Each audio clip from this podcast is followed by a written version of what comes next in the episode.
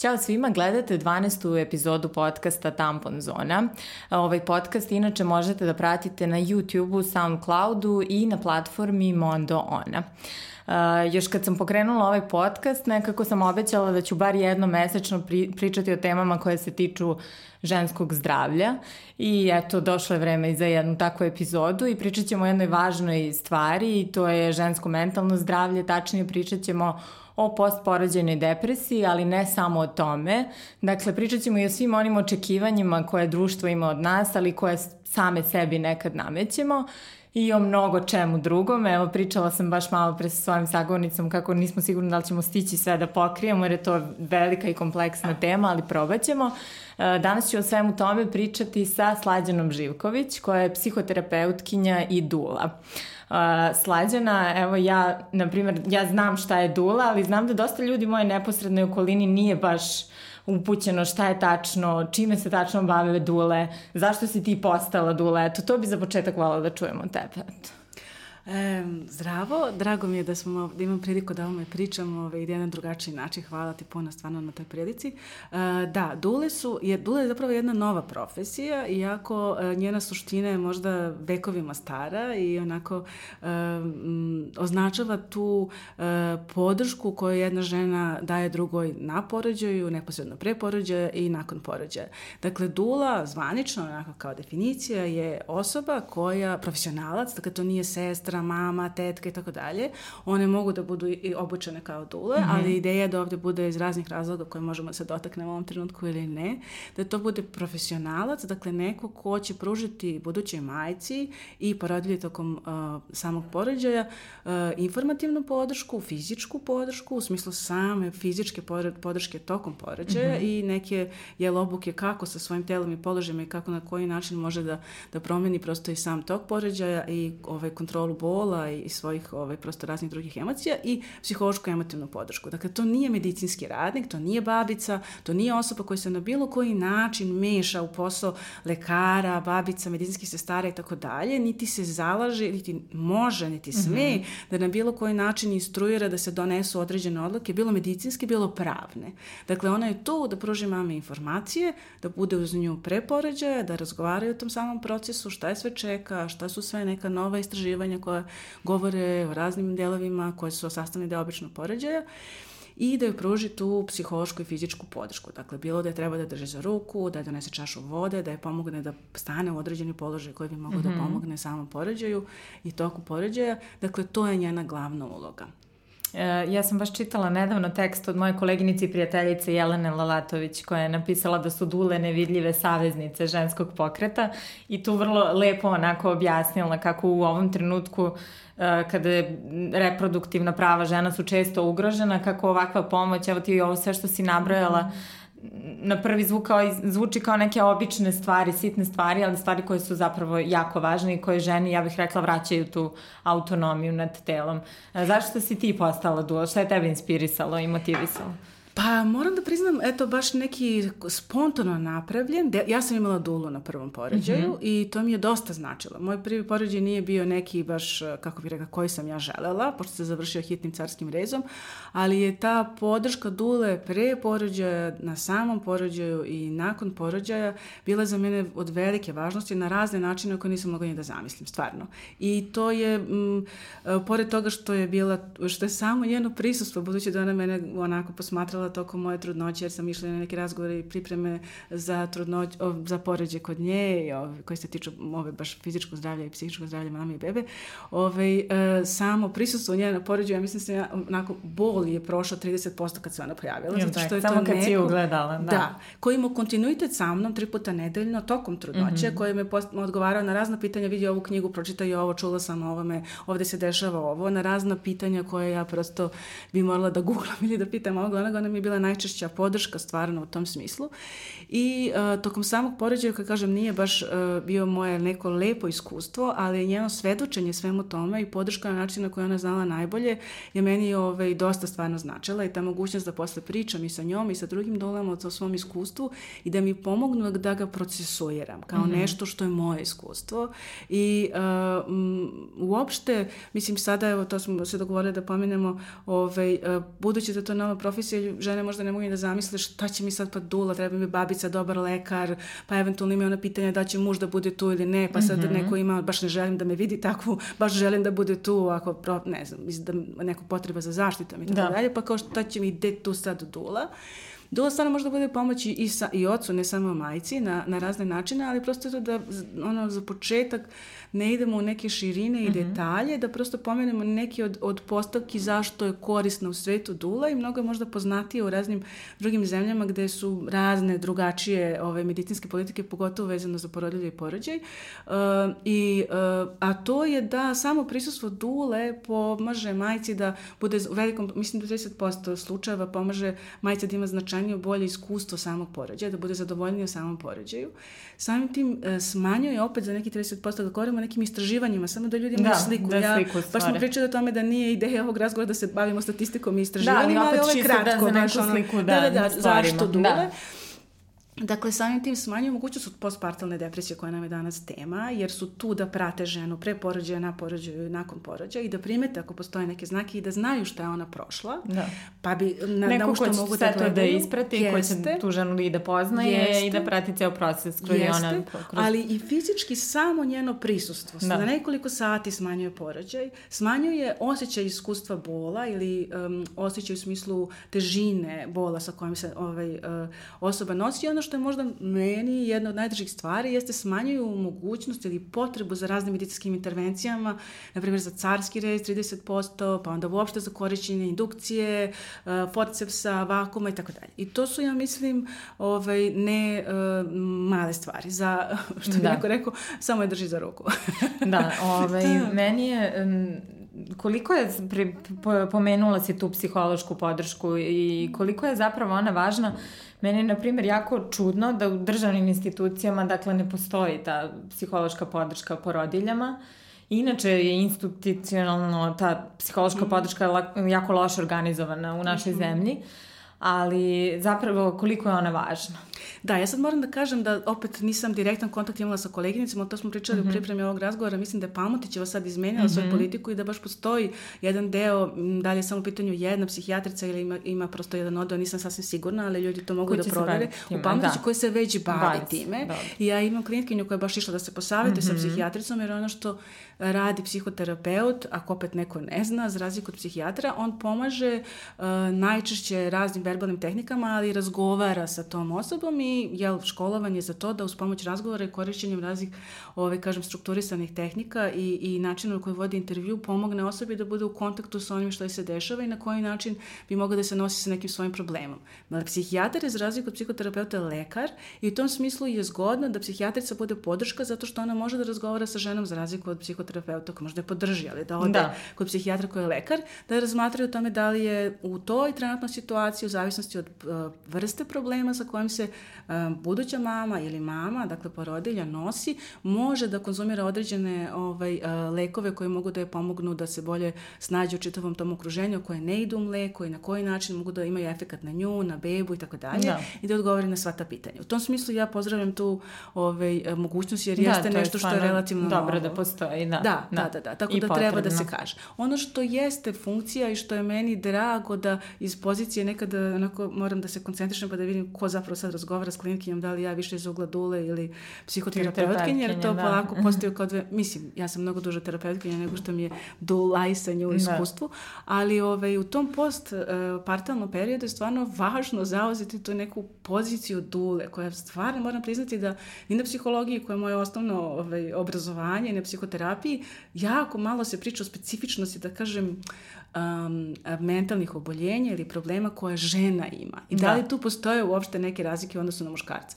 Ovde, kada pričamo ovaj, o i post, uh, postpartalnoj depresiji ili baby bluesu ili čak i, jel, pominje se često i ta priča ovaj, koliko, šta se dešava ako mama postane psihotična posle, posle, porađa, uh, posle porađaja i koji je to rizik za bebu.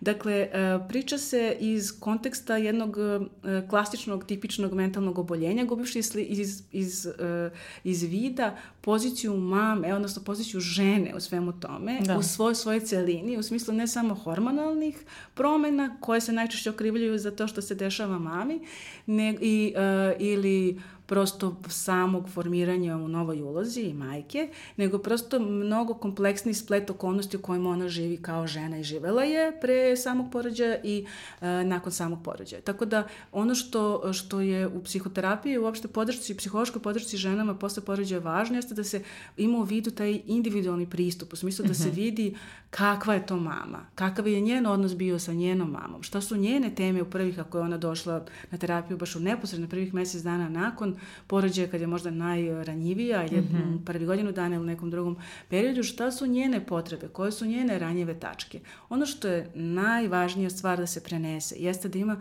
sigurno okruženje u kome zna da neće biti kritikovana i da neće biti a, postiđivana. U smislu, ju, kako to ja da, ne, a meni se čini da baš ili... čisto, često ta, ne, to okruženje blisko ume da kaže neke stvari koje možda oni nisu zlonamerne i ne znam, ne planiraju oni da tu ženu kritikuju ili ne znam šta, ali komentari poput, ne znam, to sam često uh, čula da se dešava da žena kada se požali da je nije dobra, da se to iz uh, neke bliže okoline opravdava da je samo umorna ili da je razmažena ili da ne znam šta. Koje su to neke stvari što misliš koje ne bi trebalo da se govori, da, da ljudi možda nisu svesni da su zapravo osuđivačke? Mm -hmm.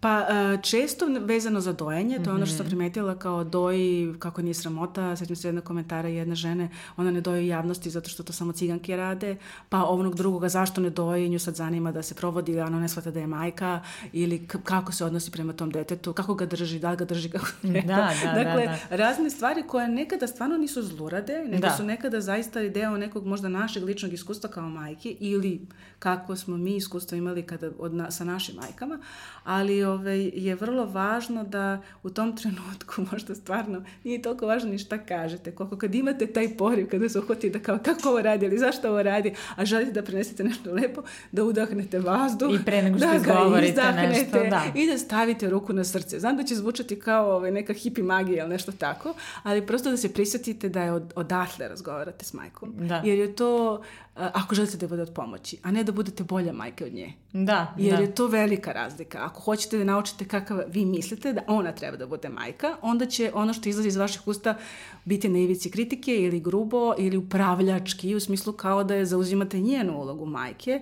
Najčešće žene toga nisu svesne. Možda nekad i ne žele to da urade, ali tako izađe iz njihovih usta. Zato ja udahni ruku na grudi da. i onda A nekako se desi da svaka imaš. komšinica, baka, tetka, mislim uvek ima neš, neko nešto da kaže i to kao on to verovatno vidi kao neki savet ili ne znam šta, ali to baš zna mislim da svi treba da budu svesni da ta mama koja je tek postala mama da je dosta ranjiva i da je to neko da. novo okruženje za nju. Da. Ja sad nekad sam sklona da pomislim, iako sam i ja isto kao mama imala razne komentare koje mi se nisu dopali mm -hmm. od mhm. raznih tako dobronamernih ili ne tako dobronamernih prolaznika, e, imam utisak kao da je, da ono što negde možda, jer ja sam psihoterapeut pa gledamo šta stoji između redova, da ono mm -hmm. što mhm. možda ne vidimo u takvim porukama jeste možda jedna usamljenost koju su te bake i mame imale i te prilike kada su imale mogućnost da uopšte dele o svom majčinstvu mm -hmm. sa nekim su možda bile tako uz put, na stepenicama, u parkiću, da. iz, u prodavnici i tako dalje, da su, koji su bili delići minuta ili već par minuta vremena, gde nije postojao, ne znam, Viber, društvene mreže, stalno SMS-ovi, telefoni, mobilni i tako dalje, nego su te prilike da podele svoje iskustvo ili svoju ranjivost ili svoje probleme ili svoju, uh, svoj umor bile redke. Da. I onda je to, da. tako se ispali kao hitac, jer je sad prilika, sad, yes, 3-4 sata. Da nešto kaže i da, da nešto, da, da, da. A to nas vraća stvarno na tu ideju da čak i sa društvenim mrežama, sa telefonima i svim ovim sada mogućnostima digitalnim, mame često osjećaju uh, posle porođaja da su izolovane i da su osamljene. Iako imaju ono, tri telefona, dva kompjutera. Da.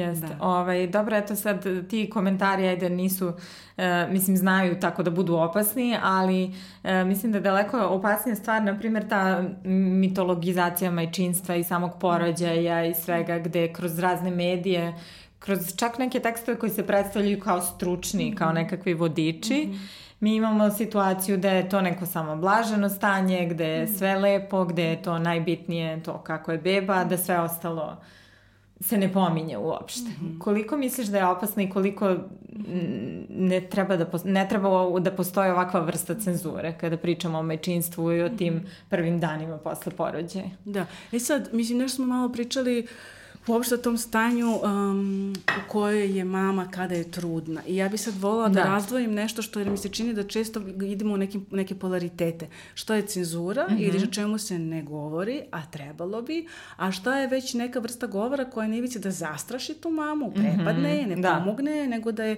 spreči, toga, da u tom da. strahu uopšte nekog nešto pita, jer pomisli, bože, to će sad meni da se desi, pa bolje ćutim jer ako ćutim i ne razmišljam o tome, onda mi se neće desiti. Mm -hmm. Dakle, s jedne strane, ja mislim, baš sam skoro, kad pričamo i o medijima, ovaj, a pričat ćemo, primetila nešto jedna vojiteljka pričala, pa sad ona je drugom stanju, radi i tako dalje, i onda jednom momentu nešto rekla, a sad je ti njeni saradnici baš štite i stalno nešto, kao nemoj ti, nemoj ti, aha, nešto. Aha. I ja nisam to doživjela kao neku vrstu patronizacije ili kao ovaj, neko, kao posmatranje nje kao nekog um, u nekoj lošijoj poziciji i tako dalje, nego mi je bilo fino, kao dobro, pazi, i muškarci imaju svest o tome da, da ona ne mora sve da digne, da ona ne mora sve da uradi i baš je to lepo, jer treba imati u vidu i žena, mm -hmm. a i mhm. ljudi oko nje, da ona treba da bude zaštićena, da treba da je sustane u autobusu, da treba neko da uradi nešto umesto nje, da bi joj dozvolio taj prostor da ona izgrađuje tokom trudnoće kontakt sve više sa svojim telom, jer će to trebati tokom porođaja i nakon, i sa svojim bebom. I to treba da bude u fokusu, a ne sad razne informacije koje ona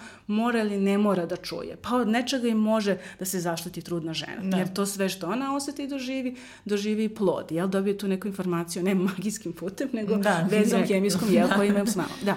Ali uh, s druge strane, ono što mislim da je, da je problem jeste da se o nekim stvarima uopšte ne govori. O tome kako zapravo izgleda sam porođaj, o tome uh, št, da li to boli ili ne boli. Jel, mame naše kad su rađale, uglavnom nije postoje epidural, sad postoji. Ali o tim opcijama ne govori se o tome kakav je odnos bio s lekarom, kako to utiče na sam porođaj i na samu mamu. Uopšte se ne, ne deli mnogo toga o samom porođaju, mm -hmm. fizički kako on izgleda. Ja mislim da sam u jednoj školi uh, baš za trudnice bila fascinirana fascinirana kao zamisli neko se setio i napravio dokumentarac o tome kako, mislim da je Višegradska bila pitanje, kako to izgleda kad mama uđe mm -hmm. u porodilište spremna za porođaj, bukvalno šta je se sve dešava. Da. Dakle, ne ono neki sad strašni primjer, niti ne znam kakav poučan na ovaj ili način, nego proceduralno. Kako to izgleda? Da. Ja mislim da je proceduralno se to ne priča. Znači, ti uradiš, uradite ja prvo mislim ovo... da sam ja čak to googlala i da nus, nisam uspela da, da nađem da, tačno da, da. to po tim nekim koracima, najosnovnijim da, kako to ide. Da, što je najčešća procedura, da. kako to ide, brijanje, neko klistiranje, pa ne znam, odlazi se ode, pa se ode pregleda, pa da li da. ultrazvuk ili ne, pa se onda idu u poređenju salu ili ne, zavisno od toga koliko otvorena to su neke bazične, to nije nikakva tajna, niti je tabu, a opet se ne govori. Da. Pa žena dođe sad kao, a treba da bude ovo ili ono, pa je invazivno da je neko drugi, jel, brije ili već ne znam šta, to mogu da urađe sama, ali nima to informaciju. Mislim, nije od tih znala, nekih da. banalnih stvari do nekih drugih koje su mnogo, uh, kako bih rekla, potrebnije da mama zna, u smislu nivoima umora o kojima će saznati tek kada se da. beba bude rodila, a koje uglavnom budu za većinu žena, ako da, ako ne, za sve nezapamćenje količine, koje uvek misli, ja ću to moći, a onda kad se stvarno desi, ovaj, onda budu, uglavnom svi budemo šokirane, dalje moguće da toliko ne znam za sebe, otišla sam prodavnicu i da sam ono kupila mleko, a zaboravila sam hleb. A Ali mislim da tu i same žene sebi postavljaju neka visoka očekivanja i onda očekuju da će da daju neki maksimum i onda vide da taj maksimum ipak nije ono što su one zamišljale. Da. Tako da i mislim da i, od, i sredina postavi ta neka očekivanja, ali i sama žena. Da, pa to je svi, ja ono što mislim da se slažemo svi, jeste da društvo jako glorifikuje ulogu majke, da pa ima i ona poslovica Bog nije stigo sve da završi na zemlji, zato je napravio mamu. Ja? Da. I to se zvuči lepo i romantično i ja sam mama dvoje deci volim kad uđem u tu ulogu da Naravno, eto sad sam da. nešto spasila od nečega svoje dete ili pružila nešto svom detetu. Stvarno volim, sad se ne šalim s tim niti karikiram, ali s druge strane daje jednu vrstu pritiska da mama mora da bude na granici sa božanstvom. A mama je mama, Bog je Bog, mislim, nije baš da ona može sve.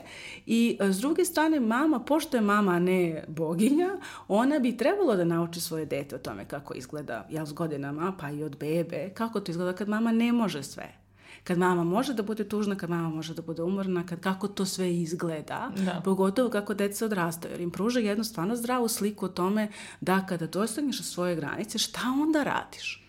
Jer mnogi od nas odrasli do, u, u takvim porodicama i sa takvim modelima da mi zapravo uopšte ne znamo kad je kraj, kad je da. dosta, kad je nečega previše nego stalno nekako radimo na nekoj rezervi. Mm -hmm. Ima jedna američka psihijatrica, mislim psihoterapeutkinja, koja je napisala knjigu Running on Empty. Sad je ona, ovaj, kako to izgleda kad mi stalno trčimo na prazno, kao bez goriva, ali nastavimo tako. To je jedan dobar put da odete u neku mentalnu bolest, da. psihosomatsku. Tako da, e, to su sve stvari, umor, gubitak slobode, sama procedura na poređaju, sve ono što mo... Dobro, aj sad da ne preteramo, ne kažemo sve ono što može da se desi na poređaju, ali ja stvarno podržavam Dule, iz, iz ugla Dule, na primjer, oni govore sa mamom i uh, neki sad prave taj neki, kako da kažem, poređeni plan, u smislu mm -hmm. kako bi mama volela da izgleda taj, volela, želela, razmišljala o tome kako da. bi trebalo da izgleda taj porođaj i šta ako ipak ode u pravcu carskog reza ili indukcije ili bilo kakve druge medicinske intervencije, da razmišljamo i onim jel, rizicima koje postoje, ne sada da pritiskamo mamu da gleda, vidi, da. statistike čita, koje su mogućnosti, da li ona imala, mislim, dakle, naravno, ideja nije da se žena prepadne, ali da je ne bude to nešto o čemu potpuno šokirana nije uopšte. Da. razmišljala, da. dešava je se sad i kako uopšte to izgleda i šta to znači za bebu i koji je to rizik, jer u situacijama hitnih intervencija zaista nema mnogo vremena za objašnjavanje. One se zove hitne intervencije, onda moraju da budu hitne. Ali ako tome razmišljamo ranije, kažem opet ne da se opterećujemo time obsesivno, ali da imamo tu mogućnost da se dešava, da se dešava zbog toga i toga, da to može da bude. Nekada je carski rez zaista nešto sa čim žene žive žive već od nekog meseca trudnoće, zbog nekih raznih zdravstvenih njihovih karakteristika ili bebinih, je to nužna stvar koja će se desiti i onda ona nema tu karakteristiku okidača koja može da dovede do strašno lošeg iskustva i koja može da bude okidač koji će uvesti mamu, to smo pričali da ćemo pomenuti u tu Da, rekla um, si mi zapravo specifičan... da postoji poseban oblik posttraumatskog stresa koji je vezan za da. loše Samo iskustvo porođaja. Jeste. Da. Dakle, da. ako mama ima hitni carski rez, ne kažem opet, sada ne idemo mi u ekstreme i opet plašene mame. Ne kažem da će svakoj mami koja ima određenu vrstu događaja ili iskustva na porođaju se desiti. Biti tako, da. Apsolutno da. ne. To je mnogo složenija da, mislim priča. Da je važno i... pričamo i o različitosti. Često da. se taj prototip neke mame svrstava pod jedan krov, kao da su sve mame iste mm -hmm. i da je, mislim, svako iskustvo je nekako individualno. Da, i da, mnogo da. toga oblikuje ka, to mm. kako će iskustvo žena na porođaju biti, dakle ne sam porođaj. Da. I njeno iskustvo seksualnosti, njen odnos prema telu, njeno iskustvo njene mame koje ona prenela ili je nije prenela, ona ga nosi sa sobom na nekom neverbalnom nivou, e, njen odnos prema ranjivosti, njen odnos prema gubitku kontrole, njen odnos sa aktualnim partnerom, da li uopšte postoji u toj čitave slici ili ne. Dakle, opet kažem, nije ono mama, trudnica, idealna priča koju nekada opet i medijima predstavljamo kao mama, tata koji divno očekuju bebu planiranu u da. novom stanu, koji oboje imaju da, posao i tako dalje. Dakle, da. to nije baš slika da. ove svake mame. Ima tu baš ogromnih razlika od da. toga da neke mame jel, nisu ni planirale tu bebu, da nemaju ni partnera, da, ili da neke mame planiraju bebu, žele bebu, nemaju partnera partneri ulaze u, u majčinstvo bez partnera. Bez partnera, da. Dakle, baš postoje jedna ogromna razlika, ta ono standardna mama, tata, ljubav i beba. Da. to je divno i lepo, ali nije nešto što um, nešto što je standard. Neki pattern, da. Jeste i nešto što treba da mislimo kada baš hoćemo da kažemo nešto toj mami. Da. Što samo blendeš u taj telefon da. ili znaš, malo gledaju to bebu ili kako je držiš ili ja da ne znam šta već, jel, kakve komentare mogu mame da dobiju. Tako da ovaj, ne znamo stvarno kakva je to, šta se sve njoj dešava. Dakle, hoću da kažem da uopšte bilo šta ne, pojednostavlja, ne pojednostavljujemo. Post uh, uh, traumatski stresni poremeći koji je baš postpartalni uh, ovaj, stresni poremeći, to je dakle svi su verovatno vezuju uh, tu uh, priču o tom poremeću vezano za veterane iz rata, jer je to ono najčešće kako se to predstavlja medijima, filmovima, da. to znamo. E, vrlo slične simptome može mama da ima posle porođaja. Dakle, da imate flashbackove, da imate osjećaj neke stalne previše po, pobuđenosti, onako kao mm -hmm. alertnosti, da je nepoverljiva prema drugim ljudima, da obsesivno priča o tom događaju ili da zaobilazi sve što ima veze sa tim događajem i tako dalje. Da je naravno ima emotivne padove i uspone, koje zaista može jedan od okidača, kažem, uz razne druge faktore koje utiču, ali je važno to pomenuti, imati u vidu, ako ste neko ko je prijatelj, sestra, dula, psiholog, psihoterapeutkinja, te mame, da može da bude posljedica hitnog carskog reza, nekih hitnih medicinskih procedura, kao što su forceps ili uh, vađenje bebe vakumom, ono, s pomoć mame da beba izađe na ovaj svet, jel? Uh, neki neprijatan, ne, bez poštovanja ili bez uvažavanja odnos prema mami na samom porođaju, sama dužina porođaja koji je, jel, da. prevazilazi neke mamine mogućnosti, opet pričamo o individualnim razlikama, E, I uopšte neko iskustvo možda e, tokom trudnoća, ako je pitanje rizična trudnoća, pa neki, jel, mame neke malte ne preleže čitavu trudnoću, jer je ovaj, takvo njihovo zdravstveno stanje i situacija, pa sad taj porođaj koji nekako izrastao iz jednog rizika više mesečnog, pa je sve onako malo još dalje ugrižavajuće, ali to su stvari koje mogu da budu okidači ovog poremeća. I tome se stvarno jako malo priča i ono što ako pričamo o tabu, jedan od tabua jeste malo priča o iskustvu svom porođajnom koje zaista nije jedino koje oblikuje njeno majčinstvo, ali koje je neposredno ono što se desilo kad pre nego što je ona uzela bebu u ruki. Dakle, jeste jedan važan faktor koji odigrava ovaj, vrlo ovaj, važnu ulogu tome kakva će ona postati majka, ali to jeste proces nastajanja, dakle to nije nešto što, sa čim se rodiš. Da. Tako kažu, rodiš se mogućnosti da imaš bebu, jel? Najčešće opet ne sve žene, ali da je više od 90% žena rodi se sa tom mogućnošću, rodi se sa tim instinktom i to treba poštovati, dakle opet da ne idemo u ekstreme, bi trebalo osvešćujemo i samo da mislimo o tome i da budemo u kontaktu da. sa bebom i tako dalje. Mnogo toga se dešava zahvalno, ono, zahvaljujući biologiji i ono, ne, ne neokorteksu, nego onako onom mozgu koji delimo sa životinjama. Ovaj, tako da treba to sve imati u vidu, ali kažem treba imati u vidu da možemo da podržimo mamu i da posmatramo uopšte i da damo dozvolu i da budemo zainteresovani ako ona želi, u kojoj meri i na koji način da priča o svom porođenom iskustvu ako je ono divno, božanstveno, tim više će okupati ako se to ocini, ona će da. još bolju be, ono, ovaj, kontakt sa bebom ovaj, ostvariti i uživati u tim prvim danima, a ako ne, da zna da ima neko ko je veruje, koji uvažava, ako je to bilo suprotno iskustvo koje imala na porođaju, ili uopšte ko želi da joj pomogne. Pa jako to nije stručnjak, ako je to supružnik, mama, sestra, da, drugarica, da je zainteresovan za tu priču, da neće da kaže, dobro, to je prošlo, sad je najvažnija beba, jeste to prošlo, ali, na primjer, u ovoj situaciji postpartalnog stresnog poremeća mama to stalno o svojoj glavi vraća, dakle, njoj nije prošlo. Da. Tako da je bolje da ima nekog s kim može da priča o tome pa da vidi da li je to nešto što je zaista prešlo u taj, tu vrstu poremećaja pa je treba pomoć stručnjaka ili je nešto zašto je dovoljno se ventilira neposredno nekom ko će da je sasluša stvarno i da ne um, obezvređuje to njeno iskustvo. U smislu da, da, da, ali dobro, vidiš da je slatka, da, da, da, ali... da, nego je mu pridao da pažnje. Jeste, da. jer ona stvarno, pogotovo u tom prvom tromesičju, mama, ne kao beba, ali jeste isto rođena, neposredno rođena. Da, u svojim 30. 20. 40. neke mame, ali je neposredno rođena u toj svojoj ulozi. Bukvalno fizički, kao da. i dete.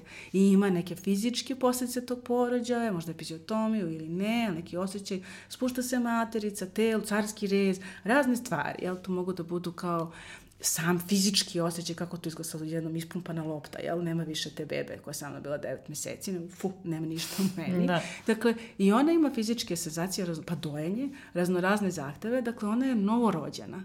I ako imate tu ljubav i zainteresovanost i tu kako blagost prema be, njenoj bebi, onda bi bilo lepo da imate i prema, prema njoj, da. Da. Uh, rekli smo da nećemo o brojkama, ali eto, ja sam našla neku statistiku za uh -huh. uh, postporađajnu depresiju koju je valjda Svetska zdravstvena organizacija uh izdala i one, po toj statistici svaka peta žena uh -huh. u Srbiji se suočila sa postporađajnom depresijom. Uh -huh. Sad ovaj podatak kao jeste egzaktan, ali opet uh, mi ne znamo koliko žena se suočila sa postpoređenom depresijom, a da se nije obratila da. lekaru, ne da. znamo koliko njih se suočilo sa baby bluesom, koliko mm -hmm. njih, mhm. tako da vrlo je nekako diskutabilno sada pričamo o nekim brojkama. Mm -hmm. um, ali evo, pitala bih te kako ti uh, i pre ovog, pre našeg razgovora ovog pod, u podcastu pričale smo kako se često, dakle, ta postpoređena depresija nekako plasira previše sterilno mm -hmm. i mhm. previše to, to i to, to i to su simptomi. Mm -hmm. Uh, ali eto, kako bi ti uh, spomen, uh, kako bi ti objasnila dakle, taj fenomen i kako bi objasnila, šta je baby blues, šta je postporođena mm -hmm. depresija, koje su ti neki osnovni znaci uh, i tako.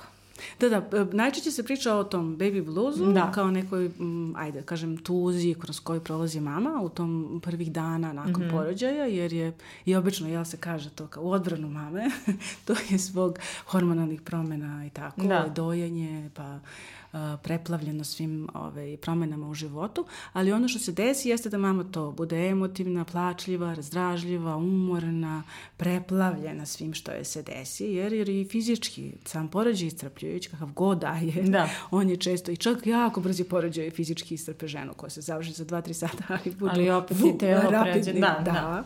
Tako da ovaj, ona zaista bude, e, treba je vreme za oporavak, ne kaže se za džabe to babinje, tih 40 mm -hmm. dana, zvuči onako kao malo ružno, u smislu baba, devojka, ali taj osjećaj u telu jeste kao da je žena mnogo starija, te, koske mm -hmm. se vraćaju na mesto, materica se spušta i to jeste m, e, nekako telesno osjećaj koji, ja mislim, velikim delom određuje. Sad pričaju ljudi, to je 90, ne znam, 80-90% žena ima taj neki osjećaj. Sad neko je taj 2-3 dana nakon porođaja, neke par nedelja, ali ajde da kažemo da taj babinje period taj da budu mm -hmm. nekako uh, emotivno nestabilne uh, i preplavljene, to su neke dominantne um, osjećaje koje žena, sa kojim se žena nosi.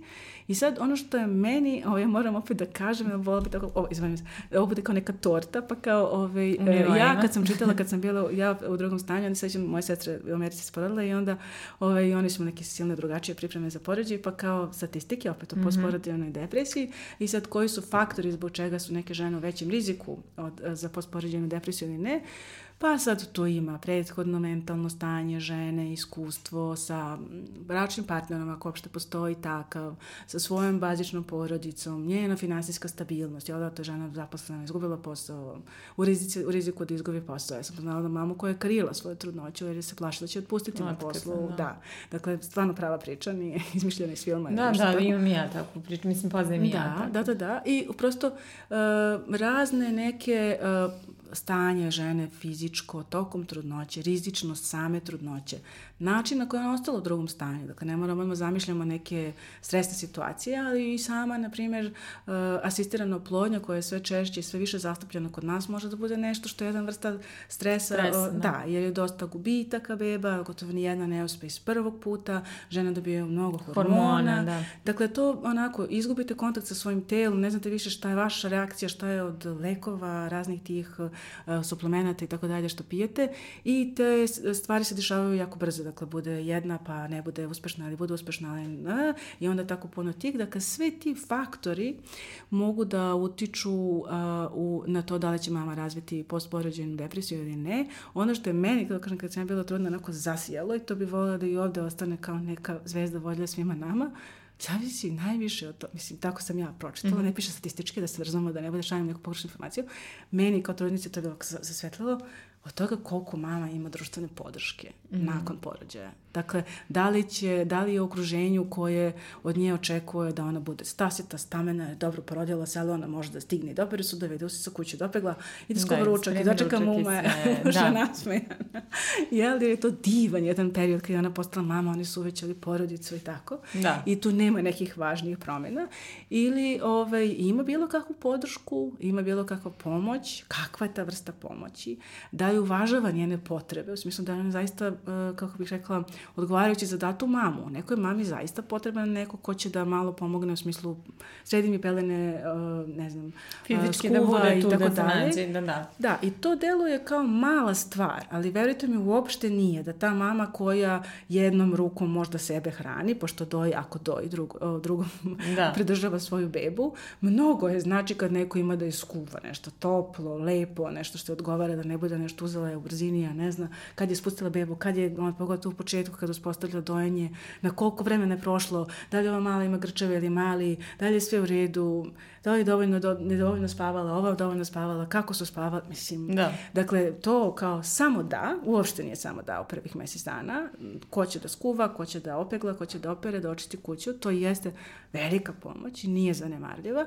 ali hoću kažem pravo vremena i e, odgovarajuće za samu mamu, jer nekoj mama, neka mama je pa mnogo više preplavljena onim što je se desilo možda na porođaju ili samim tim da treba da vodi računa sad o jednom takvom malom biću, da bi joj mnogo više pomogla da, na primjer, baka ili babysitterka ili svekrva ili drugarica, tetka tog deteta ili bilo ko, dođe pa malo uzme tu bebu, ona ga, ona vidi da beba može da se umiri, a da ona za to vreme opere sudove. Dakle, da. a da ima i drugih mama koje pozvanu samo nemoj pipaš moju bebu. To je moja beba, ima i onu medvede, da, da. Ne, ne, uopšte, nego jednostavno to je sad i malo instinktivna reakcija, da. kao svi to srejali, pipati pa bebu, nemoj. Ako ti ja kažem, evo sad je uzmi, jer ja sad idem u WC ili ću perem kosu, nešto tako u redu, ali ti da mi skačeš da kad moja beba plače, on te nemoj. Dakle, zaista koja je odgovarajuća, da. da, koja zaista podržava mamu, jer je ideja da podržite rađanje i formiranje jedne mame. Ne da se takmičite s njom kako to treba da izgleda, Da. ili kakvi ste vi bila mama, ili šta je najbolji način.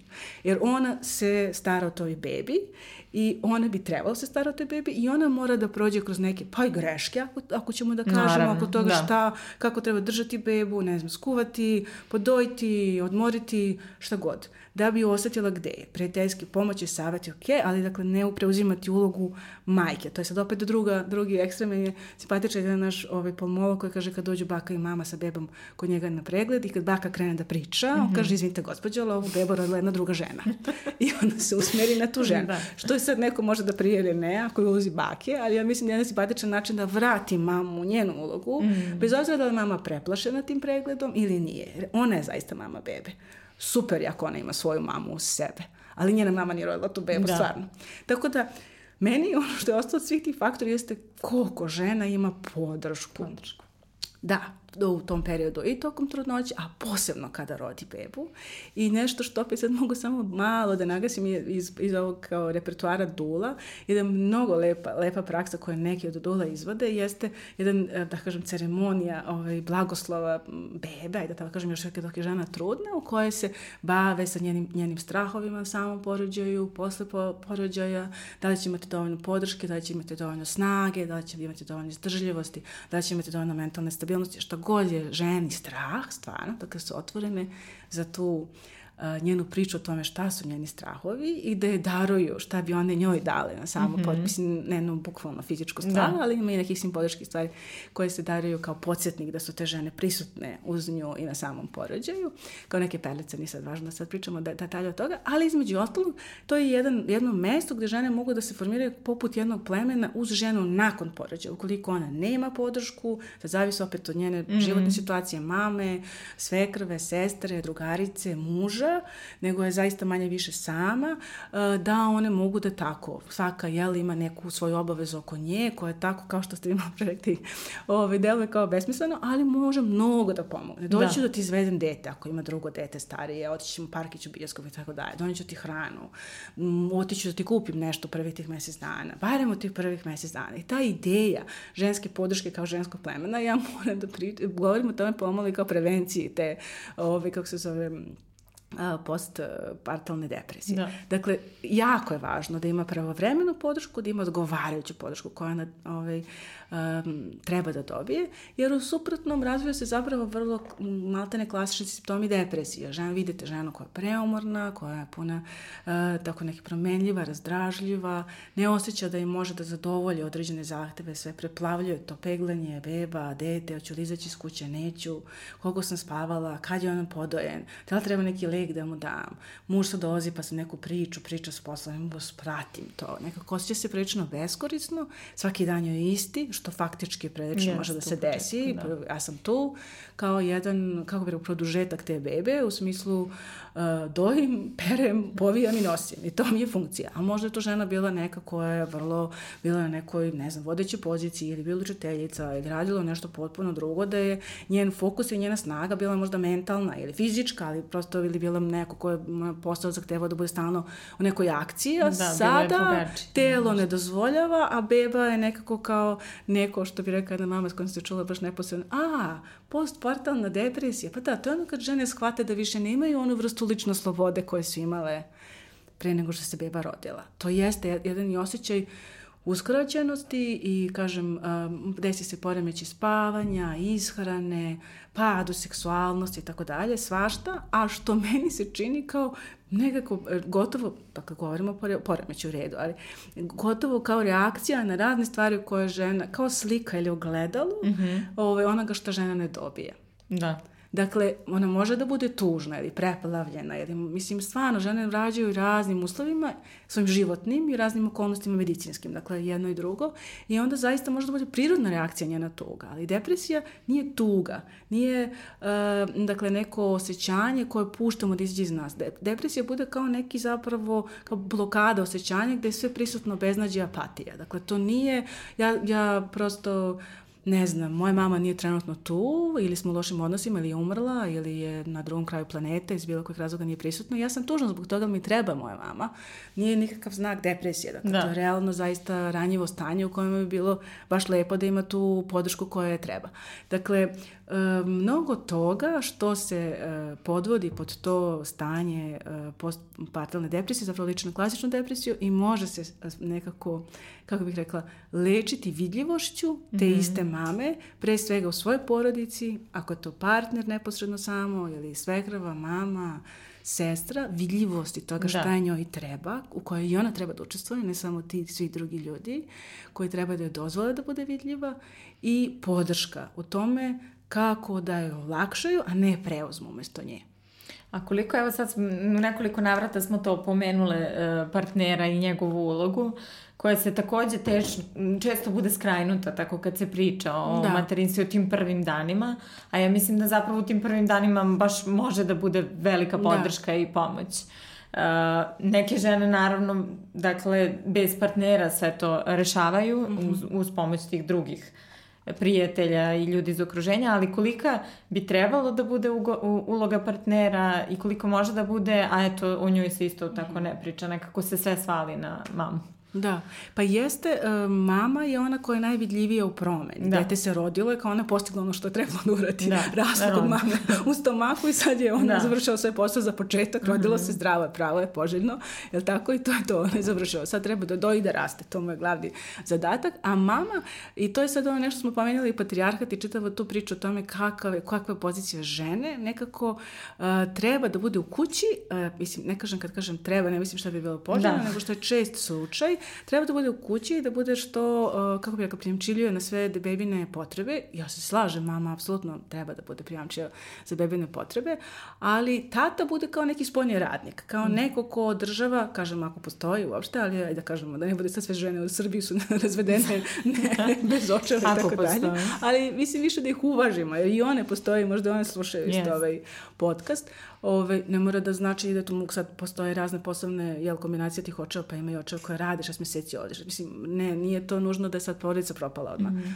Ali hoću da kažem, nekako patriarhalna slika bude takva. Kao mama je ta koja stubu kuće, ona čuva ognjište i ona je ta koja može da bude brižna i nežna i nekako poluvidljiva ili nevidljiva u tome, dakle mnogo nešto te ne traži, a tata je taj neki kao spoljni radnik koji onda donese te pare na sto, ono kao matane meso na sto ove, iz nekog da. drugog perioda ovaj, ali nije mnogo uključen u čitavu tu priču. I sad, s jedne strane, opet da ne idemo u ekstreme i da ne idemo sa neku revolucionarnu priču ovo odma sada i sutra, uh, meni je stvarno dobar vodič ta jedna ovaj, turska posledica koja kaže stvarno jednu realnu, čini mi se sagledava na realan način situaciju u majčinstvu i u porodici uopšte. Mamom se postaje kada mama oseti bebu u stomaku, a tatom kad se beba vidi.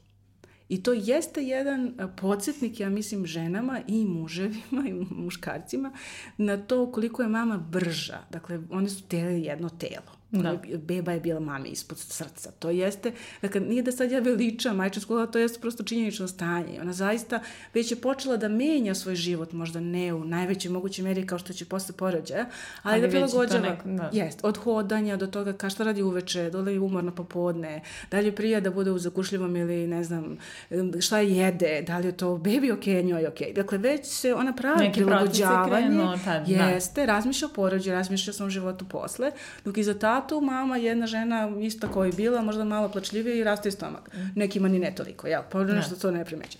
A onda kad se rodi beba, ja se šalim, neki tate mislim da hoće postanu tate kad, ono, kad je on spreman ako je on za futbol, ili ona, pa nema veze kao samo dok može šutne loptu. Ali ono što je, mislim, važno jeste da tom periodu i što jeste malo nešto što treba naglasiti ovakvim ovaj, razgovorima, što možda tako delo očigledno, ali se zaboravlja, da je tom periodu nakon porođaja ženi važan partner da je vidi kao majku koja raste i razvija se, koja ne mora da zna sve, koja ne mora da bude savršena, ali koja m, ima svoj posao. Dakle, koja nije na odmoru. Misleći ona je sad na porodiljskom bolovanju, pa je ona sad na nekom odmoru. Jel ne da. radi ništa. Po kući šta radi? Dođe čita da bebu, uživa. uživa. Dakle, gledaš turske serije ili već kakve i dođeš bebu kog mislim, a ja bi to svaki dan kao. Jel? Dakle, da, da ne možda kad dođe s posla pitao je li jela uopšte. Sad zavisno opet koja je situacija, da li imaju žive zajednici, sam ovaj, roditeljima ili ne, babysitterom koja mi je prilika finansijska i uh, ljudska, da tako kažem, ali da je prosto pitaj kako je ona provela svoj dan, jer je i ona nešto radila i to vrlo važno, ono, pomogla da raste i da razvija se njihovo zajedničko dete i to je jedan iscrpljujući posao uglavnom tata kako god da rade, ja verujem da mnogo rade, jel neki po 12 sati u smenama i tako dalje, mama 24, u prvih tih par meseci. Dakle, ona, ono, ja se šalim sa nekada sa mojim ovaj, mamama, saborkinjama, kao polifazična spavač, kao životinja, kao, znači, malo spava, malo dojem, ali to više ni ne znam kad sam spava koliko. Dakle, ona stano radi 24 časa, kao dragstor.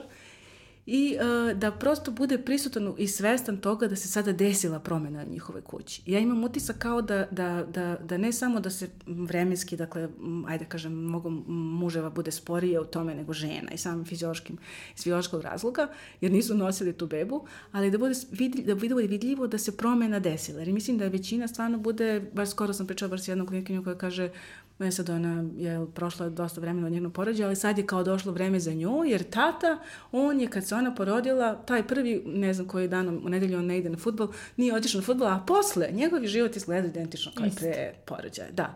Ja mislim, opet ne mora da se odlazi u feminističke revolucije, nemam ništa protiv, ali ne mora da se kaže da i tata postao tata i da bi mama postala mama, stvarno, da bi imala neka ona svoje granice o tome šta, o čemu sve brine kad je njegovo dete u pitanju i kako sa njenim strahovima u početku, onda on treba da bude partner njoj u roditeljstvu, da vidi u njoj svoju staru partnerku, ali tu neku novu osobu koju on realno ne poznaje i za koju bi bilo lepo, ako voli tu mamu, da bude zainteresovan kako je ona, šta joj treba. I ne mora to da budu duboke priče, nekada su muškaci blagosloveni da spreče žene da prene gde se istrpljuju u svim tim pričama, ali može da pita da li jela, da je zagrli, da preuzme bebu uveče, pa i na sat vremena da je on okupa. Da pričamo o nekim Ili konkretnim da je previje, stvarima. Ja primetila sam nekako sad, neko se, ne znam, da li na Twitteru sam negde videla ili šta, da se neka žena pohvala kako je muž previja kao bebu, to je kao da je uradio ne znam ja šta, kao jednu tako običnu stvar koja se kao, ja sam mislila da se podrazumeva da radi muškarci, ali je ispalo da kao on je to dobio krunu jednu zato što je previo svoj bebu. Da, da, da, da. da. Ja sećam mog zeta kada se moj sestri car rodio, ja sam bila uz njih tada jer su oni ovi, živeli u drugoj zemlji, ja sam dok je god je tetka tu ne pipam pelene. e sad, da, posle toga je promenilo se stanje, ali da, to su stvari koje opet deluju kao kad se priča na konkretnom nivou, kao banalne. Puh, ja da menjam pelene, idem da radim, trčim to, jel kaka, ono, da. Smrdljiva, ona sedi tu čitav dan, ali promeniti pred posao jednu doći posle, uzeti tu bebu, nonati je ili možda presvući. Ja sam tako bila zahvalna mojoj patronažnoj sestri koja je ovako, ja sam kao krenula, to sad jel, dosta, dosta zavisi od mame, ja da naučim posle carskog reza kako se kupa beba. Ona je malo sam pogledala, ti lezi, ti dođi vamo. I sve instrukcije oko kupanja bebe dobio moj muž. Ništa. Da, da ja sam se ležeći gledala. Tako da, mislim, da, da tata kupa bebu uveče, ne mora ni svako veče, neće beba umreti, sasvim je u redu da... Da, ali da oboje registruju trup promenu da i na neki način podele. Da. Dakle, mama svakako tako tata radi, verovatno da, će biti 20 sati sa tom bebom, da on ujutro nešto radi uveče, ali kakav je već raspored životni, jel, profesionalni, da on ima neku obavezu uh, u odnosu sa tom bebom, preće njega u, u, uključiti ulogu roditelja i napravit će ga, imaće elemente da bude partner svoje ženi u smislu uh, dva roditelja, majka, majka i oca, a ne samo nekog posmatrača koji je ja ne bi se mešam, pošto tebi tako dobro ide. Da, da. e, ove, spomenule smo i te, evo je, ja sam ti rekla na početku razgovora kako mi se čini da e, se malo otvorenije priča o tim ma, mračnim stranama mm. majčinstva, ono, naročito u tim prvim da. mesecima da su nekako i žene među sobom i to sa drugaricama krenule da mm. da dele te prave informacije i prava lična mm. iskustva kroz koje prolaze, pa postoje, ne znam, Viber grupe, mm. grupe na da, Facebooku da, da. i da se malo otvorenije priča o tome. Kako se tebi čini to i koliko to može da bude dragoceno? Meni je to bilo jedna stvar zbog koje sam bila zahvalna svojoj duli, jer te žene, ta grupa žena s kojima smo išli na vežbe, pa posle razmenjivali neke iskustva postporođajno, je meni bila ono, ja se šalim kao, mi smo, mi smo ono što je muškarcima drugi iz vojske, oni koji su prošli vojsku, jel? ali neki taj osjećaj saborca, kao da. neko ko može stvarno dobro da te razume, posebno za one mame nekojima je tako stice okolnosti da mi je, ne znam, sestra, komšenica bliska, bliske prijateljice, neposredno u isto vreme kao i one postale mame, same, pa onda imaju neki krug žena s kojima stvarno mogu to da dele. Koliko to nije slučaj, pa čak i ako imaju žene bliske kojima su okružene, koje imaju decu, stvarno je velika razlika između toga kad imate bebu od mesec dana, tri meseci, šest, osam, deset mm -hmm. i neko dete sedam, osam godina koji ima potpuno druge teme i probleme roditeljstva i stvarno je jako značajno i korisno i to je jedna od stvari koja ja onako pokvarna ploča, ovaj, šalim se sa svojim mamama koje mi dolaze kao na psihoterapiju i od skoro su i mame, koji je tvoj, ko čini tvoj majčinski lobi. To je ona kao šala kako ja, ja mislim bukvalno zaista lobi, ali nekada ta majčinska podrška bude stvarno kao, ovaj, jer ima jačinu lobija, ne samo što razmenju informacije u smislu nekih konkretnih informacija, ojelo mi se dete, šta tebi lekar rekao, šta se tebi desilo, kod koga si ti bio, neki koje spuštaju anksioznost odmah jer kao i drugom se desilo i za to postoje rješenje, nego i one bazične razmene emotivne jer znaš kroz šta prolaziš zaista je vama bio sličan dan juče kada je imao, ne znam, napad grčeva ili se razbolelo ili ste imali se jedan moment imao infekciju oči, mi smo mesec, mislim, ne čitavi mesec, ali ono tri nedelje bili zatvoreni jer je on bio zarazan mm. i onda prosto nije bilo ništa bolno ni strašno, ali je bilo neprijatno i ograničavajuće, zastrašujuće jer nismo mogli da zarazili bi bilo koga ko dotakne i tako ovaj, kako to izgleda, kad ti je loš dan, kad si umoran i tako dalje, da može da kažeš, ja, danas mi je, ne znam, ništa, samo vrišti, nemam pametnu ideju, sva sam zaruzana, praljava, da, ne znam kad da se to okej, okay, da se osjećaš loše i da to jednostavno kažeš naglas, nekad. Pričala da, smo da je bitno da, da, e, da to verbalizuješ, jednostavno da, izgovoriš naglas. Da, da budeš vidljiv drugima i sebi, da ti je dosta i da je to okej. Okay. Da to ne znači da uradite nešto nažal svoj bebi, znači da si loša majka, nego da si došla do svojih granica.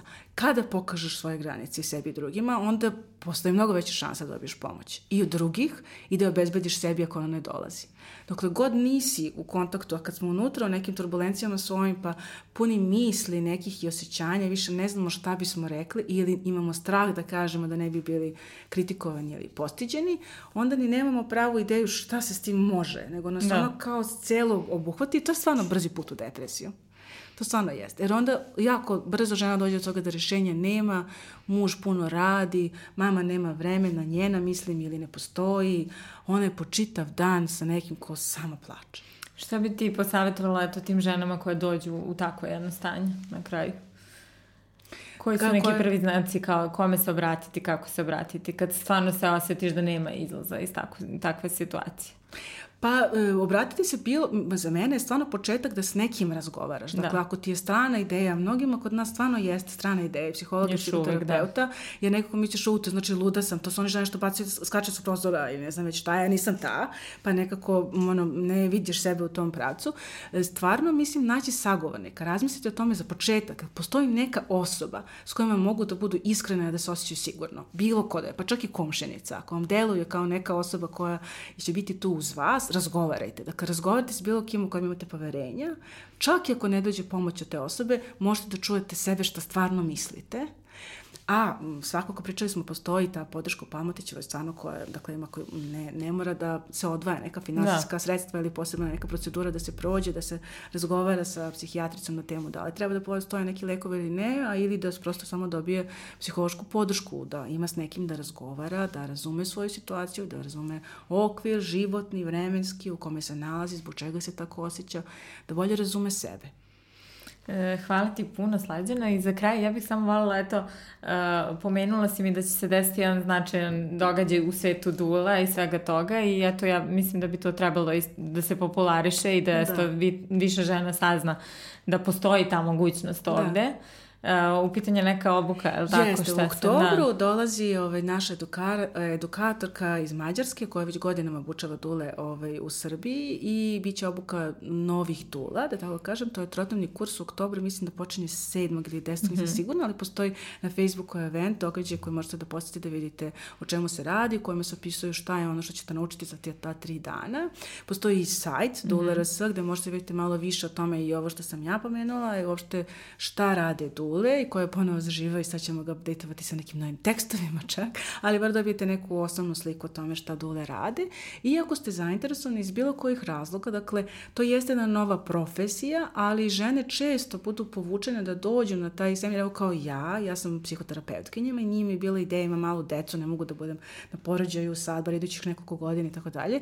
Ja sam zaista imala potrebu da budem u ženskom okruženju i da pričam o svom iskustvu i da delim to iskustvo sa drugim ženama, pa nekada dođu žene da bi baš ovo, završile svoju porođajnu priču, da bi dobile neko drugo iskustvo ili da bi se pripremile za svoj porođaj. Nekada zaista ne dođu i ne završe obuku sa ciljem da budu profesionalna podrška da. majci, nego da bi prošle i stekle ta iskustva koje nisu baš imale priliku da da nađu. I zaista, u mom iskustvu, ja sam završila stvarno i školu za trudnici, bila zainteresovana, bila do onih štreberka mami, mama, ovaj, nisam, ono što čujete na ovom kursu stvarno nećete čuti. Ja mislim na 80% kurseva. Ne kažem da nisu kvalitetni, nećete dobiti neke druge stvari, da ne bude ono kao klasično srpsko ciljanje hvali svoga konja, ali ovaj, nećete dobiti neku priču o sta, stadijima poređaja, o bolu, o kontroli toga, o načinu podrške, neka nova istraživanja o tome kako može da se vodi porođaj, koga vodi, ali pre svega dobit ćete jednu ideju da je žena onaj glavni akter u porođaju.